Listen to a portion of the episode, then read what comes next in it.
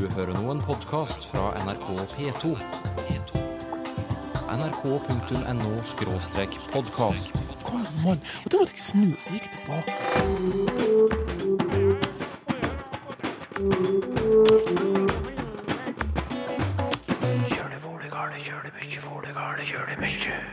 Godt nytt år og velkommen til aller første utgave av Språkteigen i 2017. Her kaster vi et blikk tilbake på utvalgte saker fra i fjor. Hvorfor snakker Filmavismannen slik han gjør? Se, se, en riktig røslig kar. Det må da veie inn på hektoen. Hvordan kan TV gi familienavnet ditt uventa innhold? Hva Altså, det, det, det, det harmonerte ikke. Og hvor mye kraft ligger i ordet nei? Vel møtt til Språkteigen.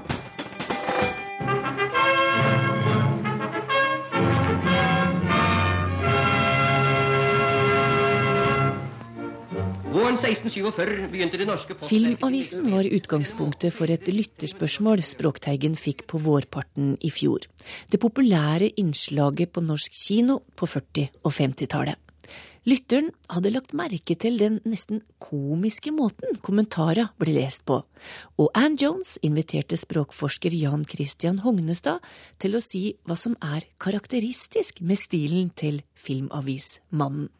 For det første så er det viktig det som du nettopp sa. Han snakker sånn sett ikke, han leser. Så dette tror jeg har nesten med manuslesingens historie eh, å gjøre. Um, og Det som jeg tror er karakteristisk, er at på den ene sida så er dette veldig skriftlig. Mange av formuleringene er veldig sånn manusaktige. Men samtidig så prøver han òg å være litt muntlig, og faktisk nesten litt munter av og til. Og da tror jeg det av og til dukker opp noen kollisjoner, kan vi kanskje si, mellom skriftligheten og forsøkene hans på å sprenge seg ut av den skriftligheten, så å si. Vi som har hørt Filmavisen, jeg får, jeg får assosiasjoner til sånn ja da, eller hei sann, eller vi kan høre på denne fra en fiskekonkurranse. Se, se, en riktig røslig kar. Det må da veie inn på hektoen. Nei, det er ikke verdt å spøke med virkelige sportsfiskere. For de tar som kjent sin hobby meget Ja, Det var jo et veldig karakteristisk eksempel, eh, og jeg tror nesten jeg vil si at munterheten her virker litt påtatt, og denne påtatte munterheten er nok noe av det som skaper komieffekten som lytteren har uh, merka seg. Noe annet eh, du vil trekke fram som typisk for kommentarlesing i de gamle filmavisene? Altså, taletempo. Han snakker jo fort, vår venn. Eh, og for å forklare det, hvorfor i all verden gjør han det, så tror jeg vi har å gjøre med at vi her er vi liksom i bildemediets barndom, iallfall når det gjelder nyhetsformidling. Altså, det er jo 40-tallet, dette opptaket som vi bruker nå. Og det kan nesten virke som om um, de har litt for liten tro på bildet sin overbevisningskraft og kommunikasjonskraft. eh, og litt for stor tro kanskje på språket, sånn at alt må liksom språkliggjøres. Alt må sies verbalt, og da blir det veldig mye å si på veldig kort tid. Og så tror jeg òg det går på diksjon. Eh, han er veldig omhyggelig med å snakke klart og tydelig etter, etter tidens krav, selv om han snakker fort. La oss høre på et eh, eksempel eh, på akkurat det med diksjon. Nå får vi en praktfull rullende R, og det handler om at Posten jubilerer. Våren 1647 begynte det norske postverket sin virksomhet, og i denne måneden feirer det sitt 300-årsjubileum. Til å begynne med var det Ja, her hører vi jo en rulle-R som virkelig ruller, og det gjør jo faktisk østnorske rulle-R-er vanligvis ikke i så stor grad. Eh, Jeg har faktisk hørt denne kjemperullende R-en omtalt som teaterskole-R-en, så jeg lurer på om de faktisk eh, eh, underviste eh, i den type R på teaterskolen i, i gamle dager, så den var nok kanskje et kjennemerke på den gode diksjon. Mm, og du, da er vi over på fonetikken, som er ditt spesialfelt, Jan Christian Hoggenestad. Kan du forklare noe som jeg syns er merkelig, og det er disse e-ene, som nesten blir til ø på slutten av et ord. Hør her. For å motarbeide yrkesnevrose blir det hver dag tatt en pause som nyttes til spesielle gymnastikkøvelser under kyndig ledelse og med grammofonledsagelse. Yrkesnevrose. Hvorfor sier han det på den måten? Ja, godt spørsmål. Eh, Jeg nevnte eh, dette her for en musiker her om dagen, og han sa umiddelbart, for han huska jo i Filmavisen da, at eh, ja, han synger jo mer enn han snakker, den mannen. Eh, Og tenk på sang. Når vi synger, så trekker vi ut vokalene. Bare tenk på Vi vandrer med freidig mot, ikke sant? Ja. Eh, og eh, det gjør han òg, og så er spørsmålet hvilke ord er det han synger på, hvilke ord er det han trekker ut vokalen på? Eh, og da er det ofte sånn i språket at viktige ting i budskapet vårt kommer mot slutten av setningen, og ikke minst i det siste ordet. Og Derfor tror jeg at når han på en måte skal ned på grunntonen sin igjen, uh, ifra der han måtte være, så velger han å synge på sånne trykklette e-er helt til slutten av ordet, og da blir det, som du ganske riktig sier, uh, yrkesnevrose. Det var eh, yrkesnevrosen. Nå tar jeg fram brevet fra Erlend Hammer igjen. Det har jeg her. For han har merket seg noe som eh, også hører hjemme i fonetikken. Setningsmelodien. Den høres annerledes ut enn i dag, synes han. Hva er det med setningsmelodien hos filmavismannen vår? Ja, der er det ett poeng som jeg iallfall syns er godt, og for å illustrere det, så har jeg lyst til å gjøre et lite eksperiment med deg. Det pleier du å være villig til. Nå igjen? Ja, Nå igjen. Ja, vær så god. Eh, og da skal jeg lese for deg eh, en av setningene til eh, Filmavismannen, og så skal du si den for meg. Ja. Og den er altså sånn. En av Postverkets siste nyskapninger er postgirotjenesten. En av Postverkets siste nyskapninger er postgirotjenesten. Ja, eh, og nå sa du det siste ordet eh, postgirotjenesten med tonelag 1 som du skal, av ditt østnorske tonelag én. Eh, Så la kanskje lytterne merke til at når jeg sa det, så brukte jeg min vestnorske intonasjon og sa postgirotjenesten. Jeg går altså ovenifra og ned, og du går nedenifra og opp. Men sånn som jeg gjør det, kan faktisk østlendinger òg gjør det, hvis de syns det de skal si er ekstra viktig, hvis de så å si skal kunngjøre eh, det de skal si. Da kan de òg bruke den intonasjonen, men den er vanligvis veldig marginal i østnorsk. Men hos vår venn Filmavismannen er han ikke marginal, for han kunngjør jo hele veien. Eh, og derfor kan vi høre hvordan han nå uttaler denne setningen. Et av Postverkets siste nyskapninger er postgirotjenesten. Den ble innført i 1943. Sant? Her hørte du. Han sier postgirotjenesten. Ja, jeg hører det nå når du sier det, da. Ja. Postgirotjenesten. Og, og, når, og når den effekten der kommer mange ganger, Ja. så gir det intonasjonen et veldig spesielt preg, og jeg tror det kan være en av de tingene folk biter merke i. Det sa språkforsker Jan Christian Hognestad.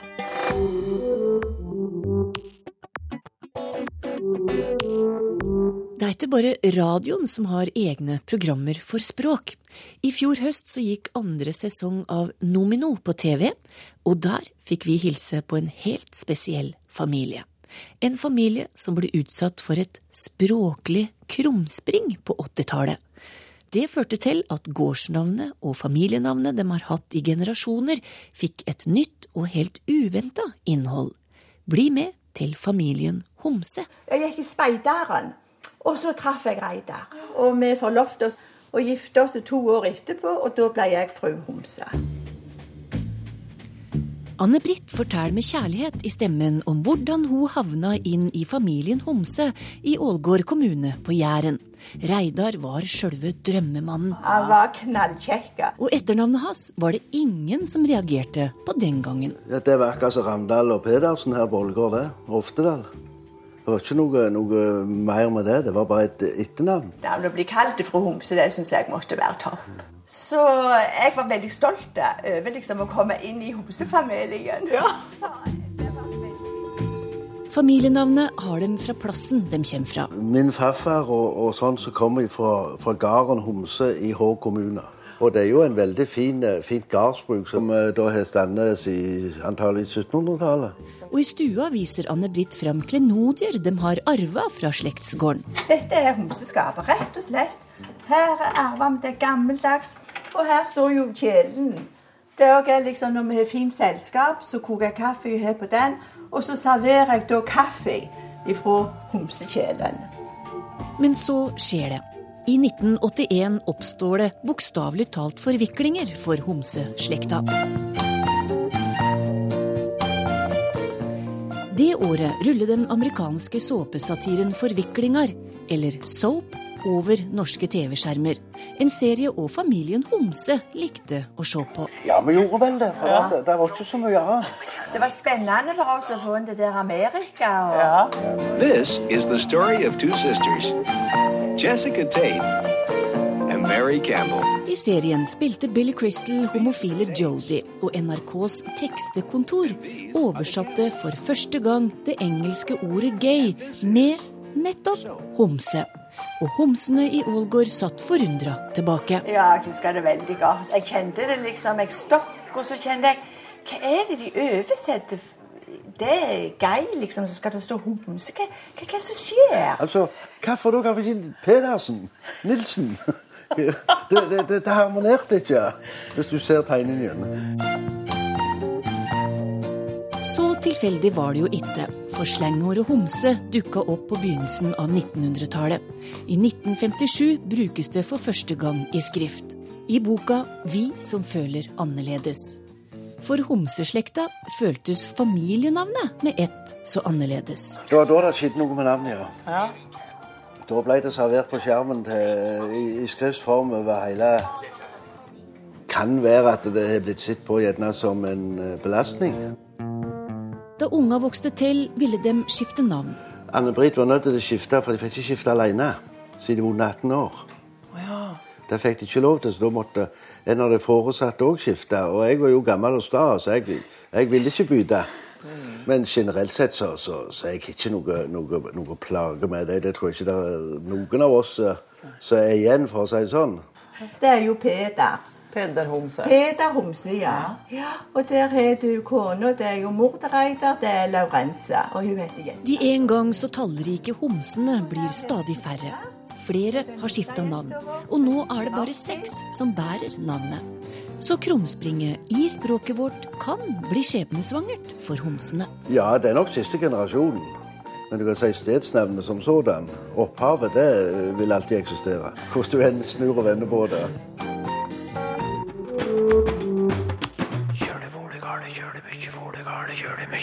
Det nye storverket Norsk språkhistorie ble lansert i fjor vår, med stor presentasjon på NTNU i Trondheim. Ann Jones var på plass for å høre hva som var det nye blikket på språkhistorien vår. Hva er det mest spennende som har skjedd med norsk språk i din levetid? Det, dialektene får mer og mer status. Så nå er det jo det er veldig mange som skriver på dialekt på Facebook f.eks. Og man sier jo at man har skrevet på dialekt før òg, men det har aldri vært så synlig som det er med Facebook i dag. da. For eh, det har vært 38 forfattere fra ni institusjoner. Og det tar sin tid å få 38 stadige akademikere til å gå i takt. Det er den første store sammenhengende norske språkhistorien som er gitt ut. Rundt 2000 sider. Og som du hørte, nesten 40 forskere har bidratt. De kommer fra universiteter og høyskoler i alle landsdelene, bl.a. NTNU. Navnet mitt er Stian Horstad, og jeg er bidragsyter i bind tre, der jeg har skrevet sammen med Britt Mælum om hva språk spiller sammen med opplevelsen vår av en stedsidentitet. Eh, Der, altså Dialekt er kanskje det mest typiske. Altså Du kommer fra en plass og har en dialekt. Hei, jeg heter Eli Rånes, og jeg jobber på NTNU på enheten for tegnspråk og tolking. Og i bind to av språkhistoria så har jeg skrevet den delen som handler om norsk tegnspråk i et språkhistorisk perspektiv. Ivar Berg ved NTNU. Jeg har skrevet om geografisk variasjon i norsk før i år 1600, altså den perioden da de norske dialektene blir til. Det har vært skrevet vitenskapelige verk om norsk språks historie tidligere også, men de har ikke favnet så bredt. Og ikke minst, den siste utgivelsen satte punktum på 60-tallet en gang. Så hva er annerledes i måten dette nye verket framstiller språkhistorien vår på? Jeg spør en av hovedredaktørene, Helge Sandøy. Det aller største forskjellen på eh, tidligere verk og verk som er skrevne nå på 2000-tallet, er at eh, vi i dag tenker annerledes omkring språket og hva institusjon det er i samfunnet. I dag vil vi ikke, skal vi uttrykke på moderne måte, kjøpe slike eh, påstander som at språket er noe som er en eiendom til en nasjon, og som er særprega for en nasjon.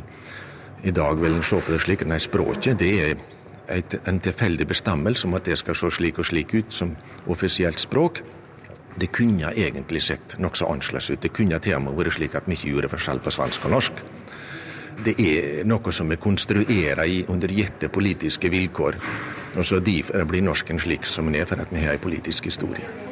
De fire tykke historiebindene rommer selvfølgelig en kronologisk språkhistorie, fra runer til moderne norsk, men vi er også innom temaer som blant annet språkendringer i norsk, språklydene våre, ordforrådet vårt, ulike tekstsjangere, uformelt talespråk, navn, og for første gang er minoritetsspråk som samisk og romani løftet fram.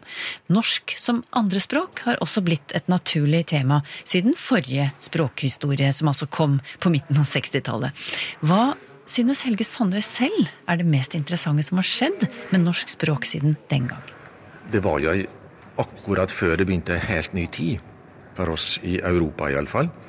Eh, med, som du vet, 68-generasjonen, opprøret i Paris, og vi fikk en veldig desentraliseringspolitikk i Norge. Etter krigstida var eh, ferdig. Eh, slik at nå var vi ikke så opptatt lenger til at vi alle sammen skulle streve for å bygge opp det felles landet vårt. Det begynte å utvikle seg nye interesser for at vi kom over i massesamfunnet. Og det har jo skapt en ny epoke i kulturhistorien vår som vi kaller det senmoderniteten, og som ga seg utslag i Norge med dialektbølgen på 70-tallet. Og mens vi da etter krigen på en måte har slutta mer og mer opp om et standardspråk, begynte å bli mer og mer lik Europa, så kom det motsatte bevegelser. Altså at pendelen slo ut i retninger. Og vi gjorde opprør mot autoriteter som, som uh, brukte standarden som sett og hegemoniske middel. Og det har jo skapt en helt ny norgeshistorie i, i språklig sammenheng.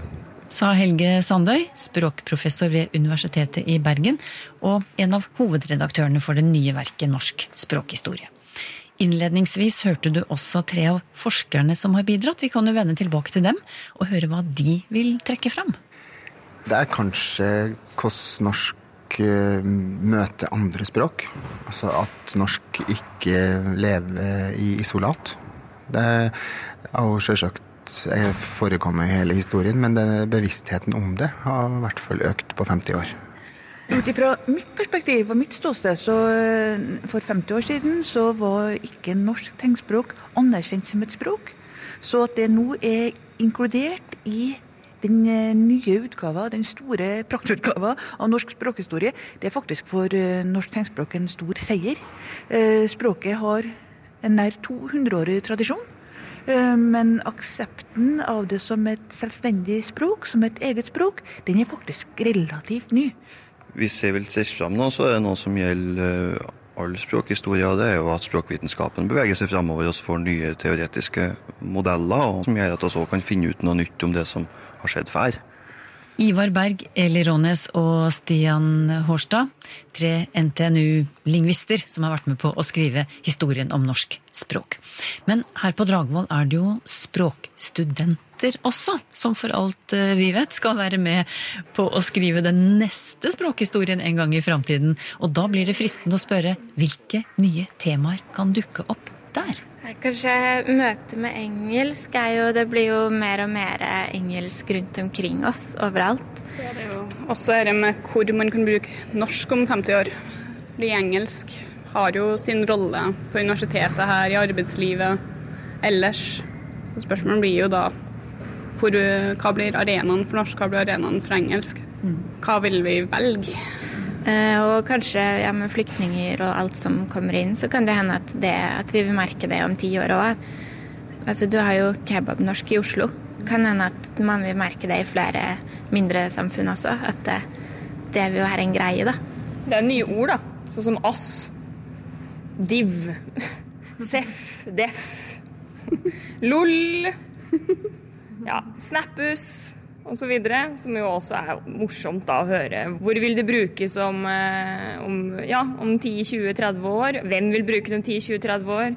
Vil det liksom følge, holde seg til visse aldersgrupper, eller vil det følge de aldersgruppene når de vokser opp, holdt jeg på å si? Det kan være interessant å se, da.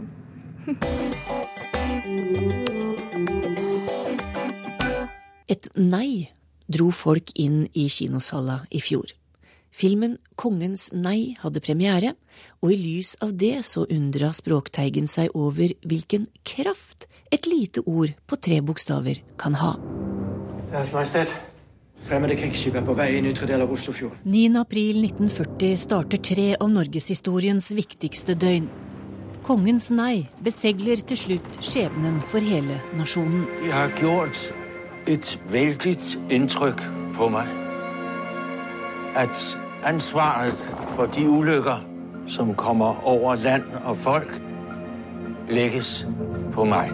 De tre aprildøgnene var kaotiske for storting, regjering og ikke minst for kong Haakon.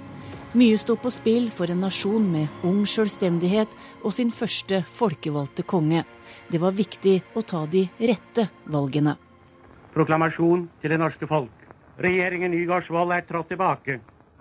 Den nasjonale regjering har overtatt regjeringsmakten. Vidkun Quisling utnevnte seg sjøl som Norges nye statsminister, og tyskernes sendebud Kurt Breuer fikk i oppdrag fra Hitler om å forhandle med kongen, og kongen alene. Det er jo Breuers strategi å blinke ut kongen.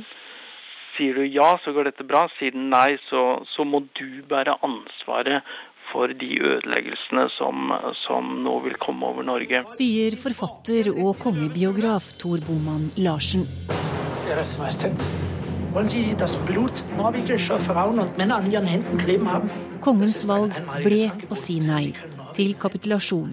Undertegna av regjeringa 10. april og kringkasta av statsminister Nygaardsvold. Kongen har ikke kunnet bøye seg for et krav som ville gjøre Norge til et uselvstendig rike. Allerede dagen etter kom hevnen fra Hitler. Elverum bombes, og 34 personer mister livet. Jeg husker alt fra minutt til minutt, tror jeg. Hun som husker, er 90 år gamle Marie Eggen. Det er et meget tungt ansvar. Så tungt at jeg gruer for å bære det. Arme Håkon. Norge er i krig. Tyskerne har ett mål. Flere måtte velge om de skulle si ja eller nei til det nye regimet. Blant dem familien til 77 år gamle Cato Møystad. Valg som splitta hans familie. Onkel Oliver ble sjef for sikkerhetspolitiet og Hird-sjef. Onkel Didrik ble motstandsmann. Slik var det. Sånn var omstendighetene den gangen. Men jeg tror vel at alle forstår at eh, det kostet mer å si et nei enn det å si et ja. Det sa til slutt Cato Møystad. Og Toril Oppsal, går det an å si at det ligger mer kraft i et nei enn i et ja, eller er nei bare et nei? Eh, nei er i mange tilfeller veldig, veldig kraftig. Eh, og det er jo hele den situasjonen du her har eh, rulla opp et eksempel på. Nei, det er rett og slett et avslag. Og vi kan jo også snakke om at man ikke er villig til å ta et nei for et nei, og det er ganske brutalt. Det er et, et sterkt overtramp å ikke godta dette nei-et. Fordi nei kan, som vi hører, det kan endre historien. Hvilken funksjon har dette bitte lille ordet i filmen og mm. historien om disse tre dramatiske døgna i april? Ja, tre aprildøgn der dette nei-et eh, representerer både handlingen, dette avslaget, til kongen, det representerer jo også konsekvensene av handlingen, som vi hører eh, vitnesbyrd om eh, her. Og det er jo også selve dokumentet, dette nei-et til regjeringa. Ja, og, og her så ivaretar jo dette nei-et det unge, nye styresettet til eh, Norge. Men det kan kanskje òg velte et styresett, som du sier? Eh, ganske nylig så har vi jo sett flere eksempler på eh, folkeavstemninger. Det er jo et nærliggende eksempel der man sier nei, f.eks. til å godta økonomiske sanksjoner, sånn som eh, i Hellas' relasjon til EU. Mange av lytterne nå de tenker nok på EU- og EF-avstemningene som vi har vært med på. Eh, vi har nylig også i vår nære geografiske nærhet sett Skottland sitt nei til å gå ut av Storbritannia, mens Storbritannia sa nei til å bli i EU. Brexit. Så her ser vi rett og slett mange Altså hvordan kart tegnes på nytt, og hvordan mange nei faktisk får konsekvenser for hvordan vi ser og må forholde oss til verden og historien. Men hvis vi går fra Mhm. disse store, store hendelsene og historiske hendelsene til det daglige, da. Ja. Hvilken kraft har et nei nå til dags? Eh, Et nei kan ha sterk kraft. Eh, Du kan bruke det til å irettesette. Eh, Her eh, kommer Margrethe Munthe susende og synger nei, nei, gutt. Det, det har en, en kraft, men det kan også faktisk virke bekreftende og positivt, et nei. Og et nei i hverdagen, nå er vi over fra dette et nei-substantivet og over til det vi kan kalle for en interreksjon. Et nei som et eh, uttrykk eller et svarord, eller et uttrykk for det å ja, Nå skal jeg kanskje bruke et litt underlig bilde, men jeg foreslår å kalle det en sånn slags slalåmløype. Fordi at du kan bruke dette her til å eh, ja, komme tilbake. Eh, Og til å uttrykke enighet med den du snakker med. Du kan bruke det til å reparere det du sjøl holder på å si. Nå sitter jeg og tenker litt, hva skal jeg si? Ja, nei, det er jo et substantiv. Nei, vent litt, det var jo en interjeksjon jeg mente. Eh, og så kan du nå si nei. og faktisk uttrykke at du er enig med at der hadde jeg rett. Eh, så det er veldig, veldig mye. Du kan uttrykke følelser, du kan uttrykke overraskelse. Nei! Er det sant? Der er det ikke veldig mye negativt å spore, vil jeg tro. Eh, og du kan også understreke det du sier, med et nei. Her var det ikke særlig artig, nei. Eh, mhm. Men mister ikke nei litt funksjon, hvis det òg skal fungere bekreftende? Eller skal det være så romslig? Et nei er så romslig fordi det nettopp kan brukes til å regulere det vi snakker om, og forholdet vårt til det vi snakker om. Eh, Så her er det jo også sånn at jeg kan få et spørsmål, og så kan jeg svare nei, det er vel slik at Og så får jeg styrt mitt svar i en bestemt retning, som ikke nødvendigvis er negativ, men at nei mister sin funksjon. Når du sier det på den måten, så mener du at nei har én funksjon. Men nei har jo forferdelig mange funksjoner. Og jeg er redd for at vi ikke har tid til å snakke om alle en gang i dag. Det sa Toril Oppsal, som er førsteamanuensis ved Institutt for lingvistiske og nordiske studier ved Universitetet i Oslo. Og med det er Språkteigens aller første utgave i 2017 slutt. Ha en god nyttårsdag.